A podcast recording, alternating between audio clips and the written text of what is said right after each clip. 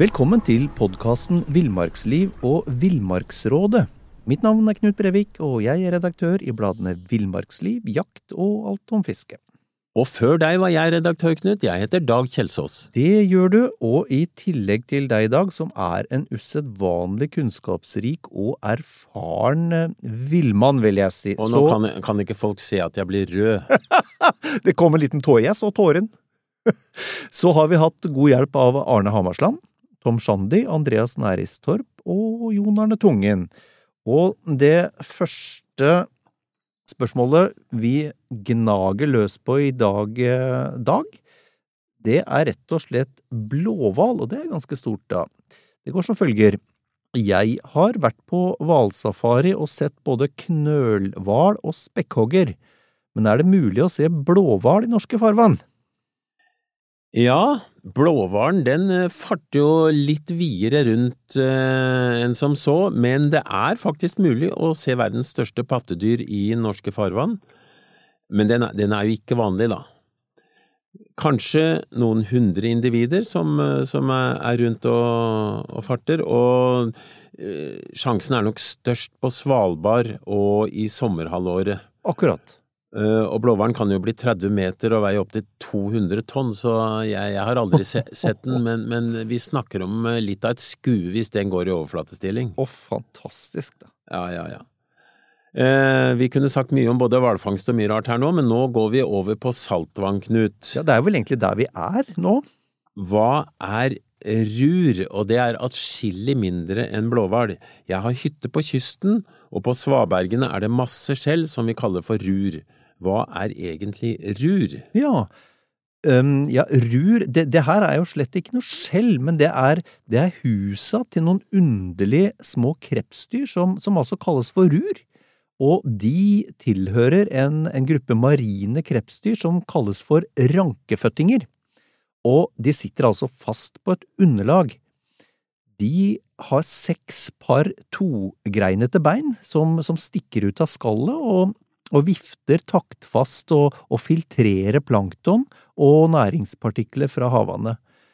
Noen kaller dem også for, for vinkla engler, faktisk. Det er jo litt artig, da. Veldig, veldig gøy. Veldig, veldig gøy. Rur, altså. Um, og ja, vi er fremdeles, vi, på i det salte element, Dag. Eh, du er jo blant annet, blant mye, må jeg si, så er jo du også makrellfisker og her er et spørsmål til deg. Makrell på svarte kroker. Hei, fiskeeksperter. Der kom en tåre til, sier jeg, Dag. Ja, jeg, så, jeg, blir så rørt fordi det er så mye saltvann, og det, tårer er jo salte, som ja, du vet. Ja, det er sant. Um, hei, fiskeeksperter. Jeg hadde en diskusjon med bestefaren min for en stund siden. Han er så påståelig eh, og mener at du kun får makrell på svarte kroker. Kan dere bekrefte eller avkrefte dette en gang for alle? Tusen takk for svar. Her fornemmer jeg en som har tenkt å sette bestefar på plass, altså. Ja, altså når han sier kun eh, får det på svarte kroker, så det er feil. Ja, ok. Eh, men det er riktig at du får den på svarte kroker. Makrellen den er jo en, jeg holdt på å si en alteter, ja, men altså den tar litt av hvert. Du kan få den på ja, kroker i forskjellige farver, kroker med agn, hekler, gummimarker, sluker, voblere.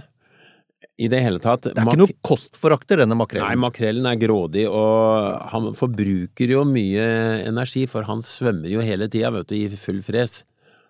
Så, og, og, makrellen spiser seg opp veldig, det er utrolig mye mer fett på en makrell eh, etter at han har fråtsa eh, på sommeren og utover høsten, i forhold til eh, en, en vårmakrell, da. Ja, ja, for det, dette, dette, er en fiskeart som jager, jager ja, rundt i ja, vannlaget ja. hele tida. Mm. Krokene må altså ikke være svarte, så det kan godt være tyttebærkroker også. Det, det, er ikke noe, noen regler du bør gå etter. Men, men når, når den biter på svarte kroker, så er det ganske enkelt, da. Ja, ja. Det hender at makrellen blir selektiv hvis den, hvis den, finner store mengder av et krepsdyr eller, eller en uh, småfisk eller noe, mm. sånn at han spesialiserer seg på det, så, som jo de fleste fiskearter gjør, da. Mm. Og da kan du jo prøve å etterligne akkurat det han er ute etter, men det generelle svaret er at makrellen tar det meste, også svarte kroker. Her tror jeg bestefar kommer til å få en omgang nå av eh, eh, en slektning. Ja, Verba, en verbal omgang. Nei, nå, altså han, slektningen påstod at det var eh, greit med svarte kroker, og da kan de ikke få bare bank, Man får bare litt. Ja, får bare, ja, får bare litt verbal. Ja, ja, ja. ja. Ja, ok. En av nattens gjerninger er Harving Knut, ja. og spørsmålet lyder som her. Har i år for første gang prøvd harving i et skogsvann, og opplever dette som noe av det mest spennende innen fiske. Lettspinnstang, litt stor krok, flere marker, og kasting med påfølgende rykkete inndraging i overflaten. Ja, det her høres helt perfekt ut. Er ikke dette helt etter boka, da? han kan det. Ja. Har fått bare et par ørreter på flere forsøk, oi, men har kanskje seks–sju slag fra fisk. Jeg venter litt etter plasket fra, fis fra fisken tar, før han gir tilslag, eh, tydeligvis, Mm. men har altså mistet de fleste også ved, med umiddelbart tilslag. Ja. Hva gjør jeg feil? Den, den var litt vanskelig, så nå er jeg spent på hva du sier. Ja. Um, altså Forklaringen kan jo være at innsenderen ikke venter lenge nok før han gir tilslag.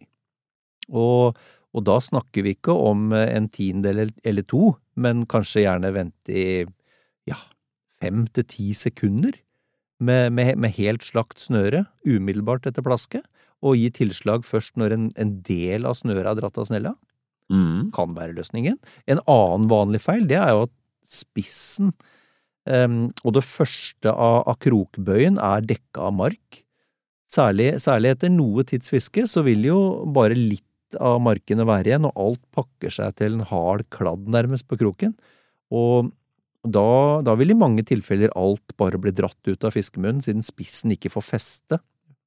Og Det kan også være at vannet byr på mye småfisk, da, som ikke alltid får agnet skikkelig inn i munnen hvis kroken er stor. eh, Hvis kroken er stor. De er interessert, og og de, de er på, men det er på en måte ikke De er for små. Hva tenker du, Dag? Jeg tenker at det var et usedvanlig godt svar, siden det er jeg sjøl som har skrevet det. men, men altså, det kan være en av de forklaringene der er mest sannsynlig. Ja, ja. Ja, jeg vil tro det. Og det kan godt være at det er småfisk også. Hvis du bruker stor krok og svære marker, så er det klart, den sliter med å få det inn i munnen. Mm. Men, eh, men også det her med at, eh, at eh, krokspissen ikke er framme sånn at, at det rett og slett ikke sitter fast, da, når, du- og du, du skal gi ganske kraftig tilslag for å få det kroken til å gå først gjennom marken og så inn i fisken. Ja. Så mm, han får, han får prøve litt av det vi foreslår, og så kan han jo gi en melding om åssen det går. Mm, mm. Ja, og det, og det bare la oss ta det i samme slengen, da. Hvis folk har, eh, har spørsmål, så, så bare, bare send det til oss. Det er um, finner, finner adressen i, i Villmarksliv eller, eller på nettet. Så da, da tar vi det opp så fort vi kan. Og det er jo, vi har jo faktisk fått noen eh, Vi får jo noen regelmessig som stiller spørsmål. Ja.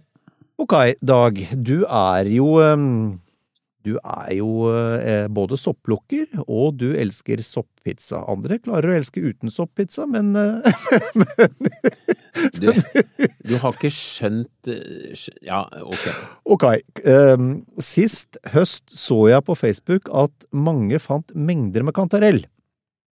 Nå er jeg bare til din informasjon eh, ute i spørsmålet her. Dette så ut til å være garvede sopplukkere, men en trenger jo ikke være særlig smart for å skjelne kantareller fra andre sopper. Jeg lette etter kantarell på flere skogsturer i blandingsskog med gran, som det står i bøkene. Resultatet ble veldig magert, så jeg spurte et par av de som viste bilder hvor de hadde plukket. Østmarka og nær Elverum gjorde meg ikke veldig klok. Nei, det er klart, det er jo ikke noe presisjonsnivå på det, det er ikke det jeg ser, den altså. Så nå vil jeg gjerne ha noen tips, gjerne både om steder og hva slags områder som er best, og da setter jeg rett og slett over til soppelskeren fremfor noen, jeg. Ja. Du, jeg, jeg tenker at det, det er, det, dette er veldig artig, fordi at det er omtrent eh, det samme som skjer hvis du har et lite, fint ørretvann. ja. Da er det veldig upresise stedsangivelser som kommer. Hvis Veldig, du- veldig uklart. Alt er Ja, uklart. Ja, ja. Uh, og det gjelder også andre ting. Men, men, det er ikke veldig rart at det gjelder kantarellen, fordi kantarellen den kommer opp på samme sted år etter år. Ja. Ofte veldig konsentrert og mye på én plass, og så kan det gå ganske langt uh, før du finner neste runde med kantarell. Mm. Og hvis det er et, kall det et dårlig kantarellår, så er det ikke sikkert det er mange steder du finner kantarell, men du kan finne mye hvis du først finner den, da. Jeg, eh, jeg har gjort det som en fast takst, fordi man tror man husker nøyaktig på meteren hvor du finner sopp fra det, eller kantarell fra ene året til neste, men det gjør du jo ikke, du glemmer jo en del av det. Så jeg har begynt å legge inn de beste plassene på GPS, så jeg får Ja. en sånn eh, løype, og det er, eh, det er som du sier, det er sikkert altså akkurat samme plassene på kvadratmeteren. Jeg nekter å si et ord til før du har lagt over det på eh, min mail eller på en eller annen måte. Ja, ja. Jeg vil ha nøyaktig GPS. Er det Greit, greit? Er det greit. Ja, det er greit. ok, ok, da fortsetter vi. Um, jo, altså, eh, du har jo det med, med sopp, som for så vidt også med stor ørret, at hvis for mange vet om det i forhold til forekomsten, Mm. Så, så er det ikke moro for noen, fordi da blir det en kamp om å ta de kanskje soppene før de er store nok, Ja. og, og folk tråkker ned litt, og i det hele tatt, det er, det er ikke så hyggelig bestandig. Så, så jeg syns det er greit at man har noen hemmelige soppsteder, og som sagt, kantarellen er sånn typisk art som du kanskje skal være litt forsiktig med å røpe altfor mye om hvis du vil komme igjen neste år og finne sopp. Og så er det jo litt, jeg tenker en del av sjarmen uansett hva man driver med av friluftsliv, enten det er bær eller det er jakt eller fiske eller det er sopp, da, som i det tilfellet her, en del av sjarmen er, jo- er jo å finne disse plassene sjøl, da. Fly og luske og, så, og, og leite. Ja, ja, ja, og så, absolutt. og det der, den derre rushet du får da, du får faktisk et rush, et lite sånn adrenalinrush da. Men nå finnes det sånne små databrikker som du kan feste under soppkurven til konkurrentene, og så kan du bare se hvor de har vært der. Ja, det, Jeg vet ikke om det er eh, lovlig, men ok, Knut. Eh, Jeg vil jo si det at det kan være at man går i kantarelltrakter uten å finne dem. Ja. Særlig etter at bladene har falt av lauvtrærne, fordi de har da samme farge som kantarellen. mm, Og du, du skal kikke nøye for å, å finne kantareller inni en haug med blad eh, fra osp og andre, andre trær som er gule, da. mm, mm. Eh, så er det også det å si at kantarellen er en sånn litt rar sopp som tyter opp inni under mose noen ganger, sånn at du, du bare så vidt ser litt gult, men så er det masse gult når du bare løfter unna mosen. Ja. Eh, Så det er også en ting å tenke på.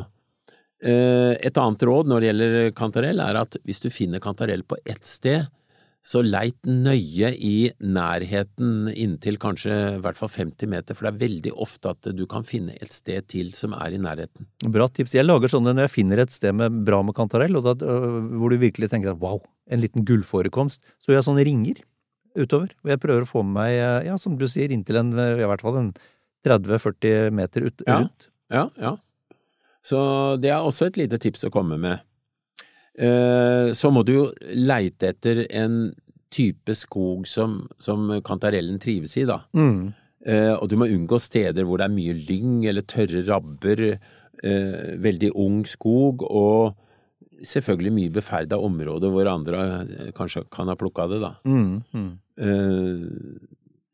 Ja, Det er litt, litt sånn gammel skog vi snakker om. vi snakker om sånn, ikke nødvendigvis eh, gammel, men jeg, eh, min erfaring er at sånn det går an å si tre kvart gammel granskog. Ja, ja. Eh, og med noen eh, lysninger innimellom, gjerne mose på skogbunnen. Mm. Mm. Eh, det er områder jeg Og innslag av blanding, blandingsskog med bjørk og gran kan ofte være fint. Jeg synes at I sånn blandingsskog så syns jeg jeg finner ganske mye rundt sånne bergnabber du, eh, som er i skogen nå, jeg. Um, jeg har funnet veldig, og til og med, eh, de har til og med vokst i sånne, i sånne sprekker inni, inni bergnabbene. Eh, Så jeg, jeg gjør meg alltid et Jeg plukker sopp i et sånt Det er vendt mot vest, riktignok, den, den, den lia. Men der finner jeg, finner jeg veldig mye rundt berg. Hva heter det der? ja, nei, men, men da håper jeg det at, uh, at vedkommende har fått noen, noen råd rundt uh, soppen. Og nå fin hvis du ikke finner kantarell, så finnes det mye annen god sopp, og det er bare så det er sagt. Mm. Men, men det, det, er jo den gamle regelen om å lære deg fem arter først, og så kan du utvide etter hvert sånn Ja. du får mer interesse. Eh, over til noe, noe som er vondt, i motsetning til sopp. Gnagsår. Ja. Jeg får alltid gnagsår når jeg går på fjellturer. Jeg har forsøkt ulike fjellsko og støvler, men resultatet er det samme. Hæler uten hud, uff a meg. Ja. Det er vondt og setter en relativt stor demper på turgleden. Mm. Har dere noen gode tips? Ja, gnagsår det, det skyldes jo eh, som regel en kombinasjon av friksjon og fuktighet. Og når huden beveger seg mot skoen, så, så vil hud og det, det underliggende vevet det vil bevege seg, og over tid skape gnagsår. Den mekaniske påvirkninga fører til at huden blir, blir først sånn rød og sår, og så kan du få blemmer fordi vevsvæske samler seg i huden. Og, og vil du unngå gnagsår, så må du forebygge. Og det innebærer flere ting. Ehm, før turen starter, så bør du sette på gnagsårplaster eller sportsteip på de utsatte stedene. Eh, For da avlaster du, avlaster du huden, rett og slett. Og ikke minst det her med å sørge for at eh, føttene dine er tørre og, og rene når det, når det gjøres.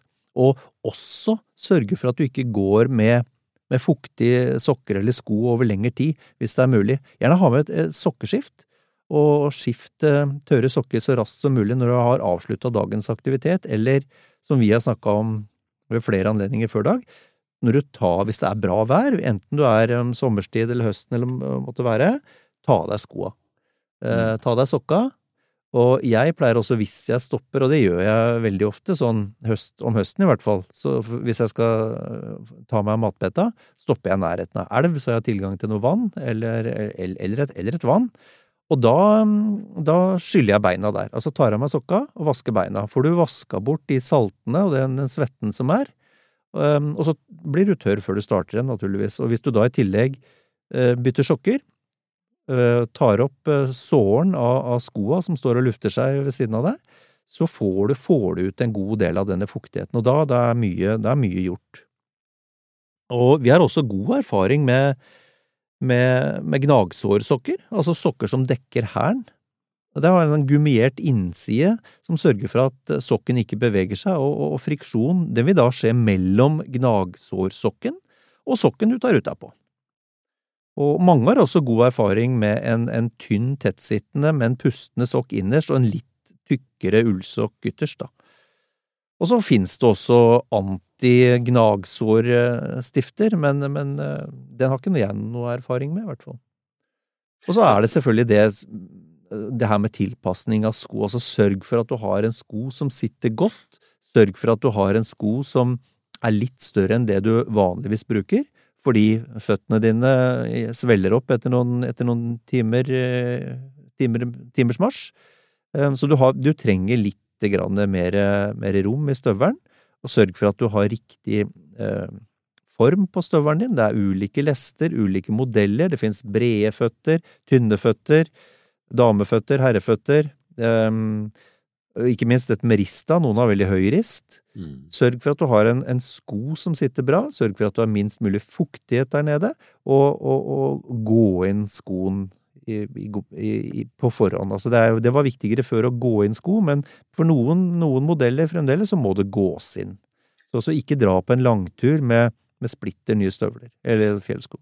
Men jeg tenker vel også det at vedkommende har feil sko og støvler, kanskje. Det høres sånn ut, egentlig, ja. Fordi For det, det er ikke nødvendig å Altså, gnagsår kan alle få innimellom, men når det liksom blir en vane at du får gnagsår på hver tur, så tenker jeg at da er det noe vesentlig som er gærent Ja. i forhold til, til støvelen. At eh, støvelen er feil, Ja. rett og slett. Ja.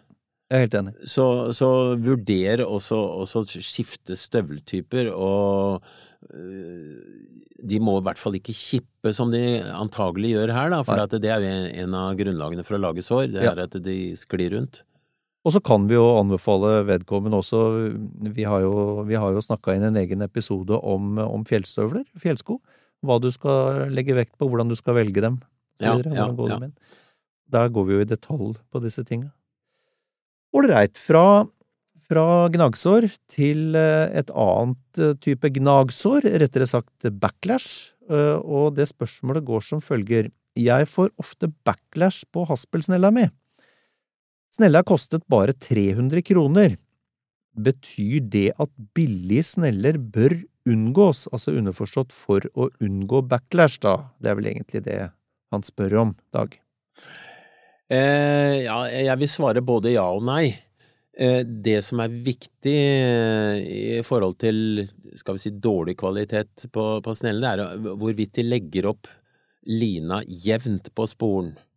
For hvis lina legges klumpete eller, eller altfor mye i en av endene av sporen, så kan du risikere at det forårsaker, eller er iallfall med på å gi grunnlaget for en backlash. Mm.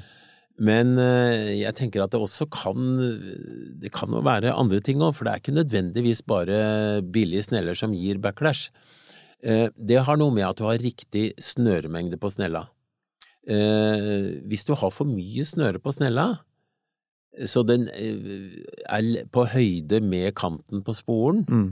så har du for mye, og hvis du kaster hardt da, så vil de de eh, rundene med snøre som ligger innerst, dra med seg de som ligger utafor, over kanten, og så fyker du ut flere sånne vinninger samtidig, mm. og lager knute. Uh, og den blir større eller mindre. Noen ganger så stopper den opp i ringene før han kommer ut av stanga, og så ryker kanskje snøret. Andre ganger så fyker det ut ei sånn tjafse på vannet som, uh, som, du gleder deg veldig til å få inn for å løse opp. Veldig. Ja, Eh, noen ganger så må du kutte. Eh, med tålmodighet så vil du klare å løse opp de fleste. Men, men, eh, det kan være en av grunnene. Så det skal være et par millimeter fra spolekanten og ned til der snøret begynner. Ja, ja. Det er veldig viktig. Så har det noe med hvor stramt du legger opp snøret på snella, for hvis det blir lagt opp for løst, så kan det faktisk i verste fall ende med at disse her snørerundene på snella forflytter seg litt om hverandre, og da da, det seg? Da, da, da, ja, da blir det surr. Mm. Eh, hvis du fisker med veldig lette ting, som eh, for eksempel et lite blysøke og en krok bare, eh, så bør du når du sveiver inn, legge opp snøret strammere enn det som skjer hvis du bare sveiver det rett innpå. Hvis du holder snella, nei, eh, stanga i vinkel i forhold til der snøret kommer fra, så vil ringene bremse litt, eh, gi litt friksjon, ja. som gjør at det kommer litt strammere inn. Du kan også holde den andre hånda eh, ved den siste snøreføreren og faktisk bremse mellom fingrene da, hvis du er veldig plaga. Mm. Mm. Så det er en del sånne forhold du også kan tenke på. Så kan det jo også være at, at snøret ditt er er frynset av jeg nær sagt. Altså at eh, snøret ikke er glatt. Mm. Men, eh, og da, da, vil det også lettere kunne, kunne, skje ting. Men i utgangspunktet så tror jeg det viktigste er det her med, med snøreopplegget og at du ikke har for mye snøre på, mm. og så at, at, du ikke legger det for løst på. Ja. Jeg husker jo, jeg husker jo backlash fra, fra min tid med, med multiplikatorsneller, og det det var tunge tak, spesielt ved bruk av lette, store wobblere og en, eh, brem, og en, eh, og en eh, ikke helt innstilt, innstilt multiplikatorsnelle.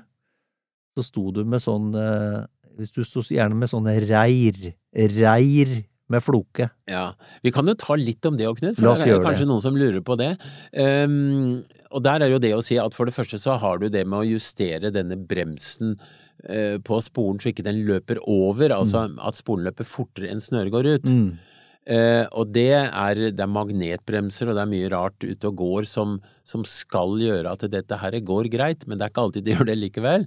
Men du må begynne med korte kast. Mm å være veldig våken hvis du ser at det begynner å bli litt høyde på det, eh, skal vi si, de, de vindingene, så du har flere vinninger som løser seg ut samtidig mm, eh, mm. på snella, så det liksom er på vei til å bli surr, så må du bremse med en gang med tommeltotten.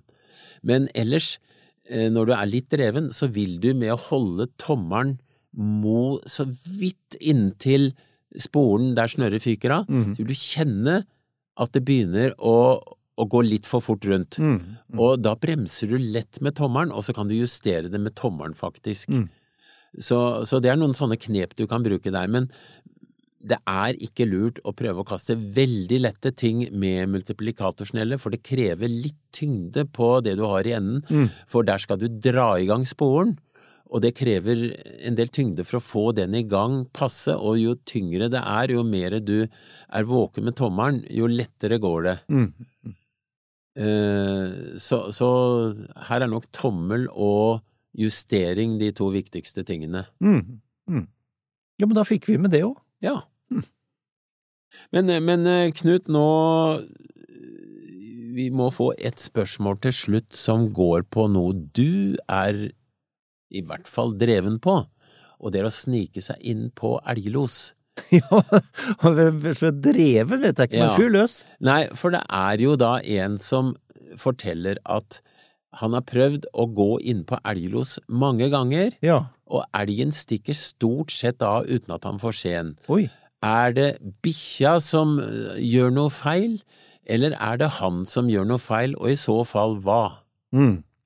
Ja, det er jo vanskelig å si når man har ikke, ikke vært med vedkommende på jakt, men, men eh, jeg tror nok sjansen er mye større for at det er han som gjør noe feil, enn bikkja som gjør noe feil. Det tror jeg jo. Ja. Du kan si elgen, eh, elgen har jo to primærsanser, og det er luktesansen sin, og så er det hørselen. Eh, Han, han, han, han ser også, altså, men, han- men, men, men synet er ikke i, på nivå med, med nesa og, og øra. Ehm, Så det kan hende at, at eh, vedkommende spørsmålsstiller ikke er nøye nok med vind. Det er som regel der det, det er der vi ryker. Eh, Og det kan også hende han er nøye med vind, men at vind kaster på seg. Um... Det hender jo at du ligger øh, ved en elglos i lang tid, da, Ja. fordi elgen står inne i noe tett krats og, vil ikke ut derfra. mm. Og da kan vind virvle, som vi sier. Jeg pleier å si vind er min beste venn og min verste fiende. Ja, ja. Nei, så veldig ofte så er det jo vind som spiller, spiller oss et pust, da. Ehm, eller det er lyden. Og, og, lyden kan vi si mye om. Elgen, det hører den som en hovedregel, men, men, ehm, men med en, en god løshund, da, som har en, har en jevn og, og, og frisk lostakt, så, så tar jo den oppmerksomheten til elgen i all hovedsak. Det er jo den store fordelen med løshund, rent bortsett fra at han finner elgen til deg. Det er jo at han tar oppmerksomheten til elgen, sånn at vi klarer å komme oss, eh, av og til i hvert fall, lydløst inn i losområdet, hvor vi kanskje, kanskje får en skuddsjanse. Og så er det, jo, er det jo en mulighet som man kan benytte hvis det er for eksempel kjempetørt, sånn at det, det bråker uansett når du flytter deg, selv om du er flink. Ja. Og det er å prøve å lage den lyden du dessverre må lage akkurat idet bikkja bjeffer. Mm, mm. For det er jo da det forstyrrer mest for elgens eh, evne til å skille lyder, da. Ja. Hovedregelen er at du beveger deg kun når losen går.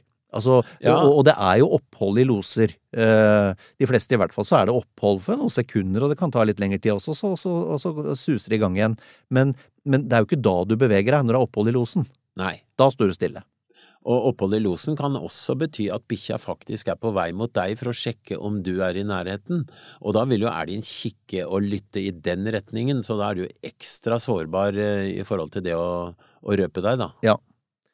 Så, så, så det, er, det, det viktigste er, er eh, vind, um, og den, den får du ikke gjort så veldig mye med. Den kan snu, så kan du være uheldig, selvfølgelig. Det er litt rart hvis det skjer hver eneste gang, men det, men det kan være vind.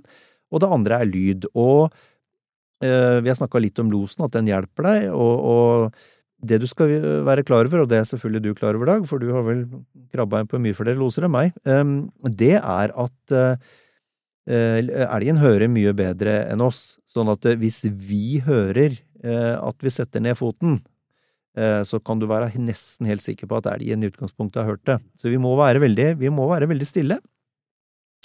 Og det er flere måter å være stille på. Det ene er å gå i ly, i ly av, av losen, som vi naturligvis skal gjøre. Det andre er å um, være veldig, veldig bevisste på hvor vi setter beina. Og, og gjerne på, på mose med moseunderlag, så, så kjenne seg litt fram, for det ofte så kan det ligge sånn halvråtne kvister også under mosen. Ja, ja. Um, og, og, men det kjenner du hvis du tar det rolig nok. Hovedregelen er jo å ta det veldig, veldig rolig.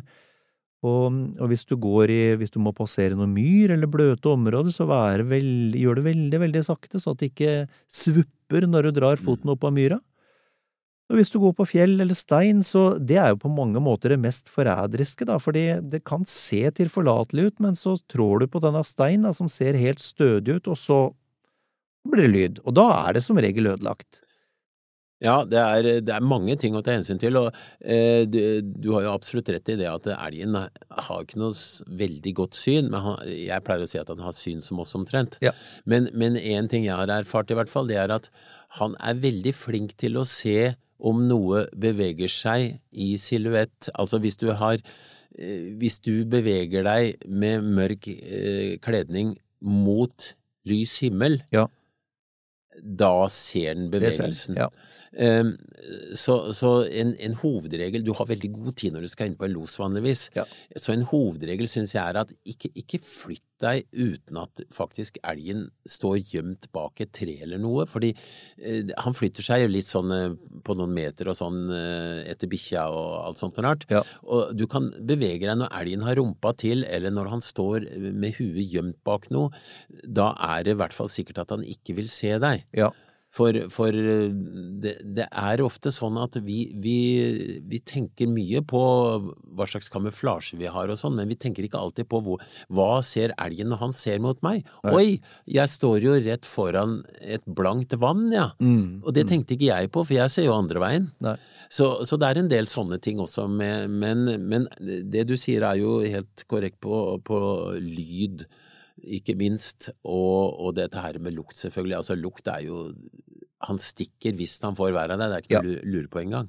Som du pleier å si i dag, det fins ikke den elgen som, som, du kan gå inn på med, med vind i nakken. Men en, du nevnte det med, med, bevegelse og syn, ja. Det er en annen sånn hovedregel da, som er greit å være klar over. og jeg og det, og det, er å gå, når du, når du først ser om, eller hører eller ser på GPS-en sånn omtrent hvor losen står, så gå mest mulig vinkelrett på. Altså ikke driv og gå fra side til side, for da, da mangedobler du sjansen for at elgen mm. ser deg, men gå ja. mest mulig vinkelrett på. Og som du sier, når du er inne i losområdet, si at du kanskje har sett en bevegelse i tetta og skjønner at det er de, da kan du bli sittende, for i løpet av en eh, ja, gitt antall minutter, der si en halvtimes tid, så vil du, eller en time for den saks skyld, du vil få se elgen til slutt. Altså, den rører noen meter på seg, går litt fram, går litt tilbake, så jager den bikkja. Um, han står veldig sjelden pal på samme flekken inne i tetta, så du ikke får noen mulighet. Du vil, du vil sannsynligvis få en, eh, i hvert fall sen, etter hvert. Ja, ja, det er eh, å, å gå inn på elglos, det er ikke minst å være tålmodig. Ja. Og så har jeg og har, har jakta sammen med folk som um, som veldig, veldig sjelden lykkes med det, og, og det det var fordi eh, vedkommende hadde en idé at han, eh, han skulle ikke krabbe. Han skulle, han skulle, klare å gå fullt oppreist inn på en los. Um, og det er ikke alt det er mulig. Det hender faktisk du må krabbe. det hender du må åle òg. Men, du, du, men, vedkommende hadde altså dette prinsippet om at han ikke skulle huke seg ned, og det, det, det gikk ikke bra. Hvis det er eh, enten veldig store trær eller, eller tette, høyreiste eh, trær som er i hvert fall like høye som deg, ja. så er det noen ganger du kan gå oppreist nesten helt fram. Ja, det er riktig. Det er riktig. Men, men, altså, alt dette her, det har med én ting å gjøre, sett fra mitt hode i hvert fall. Det er, ja. tenk deg elgens sted. Ja. Hva opplever og ser elgen? Ja. Det er jeg helt enig i i dag. Jeg lurer på om Jeg lurer på om vi, vi kommer vel ikke noe nærmere noe svar eh, til vedkommende. Eh, men, men, men eh, som sagt ly, luk, Lukt og lyd. Da, hensyn til lukt og lyd, da har det kommet langt. Ja. Da lurer jeg på om vi bare ønsker folk en strålende uke videre? Jeg lurer ikke på engang. Jeg sier det, jeg. Ja. Ha det bra.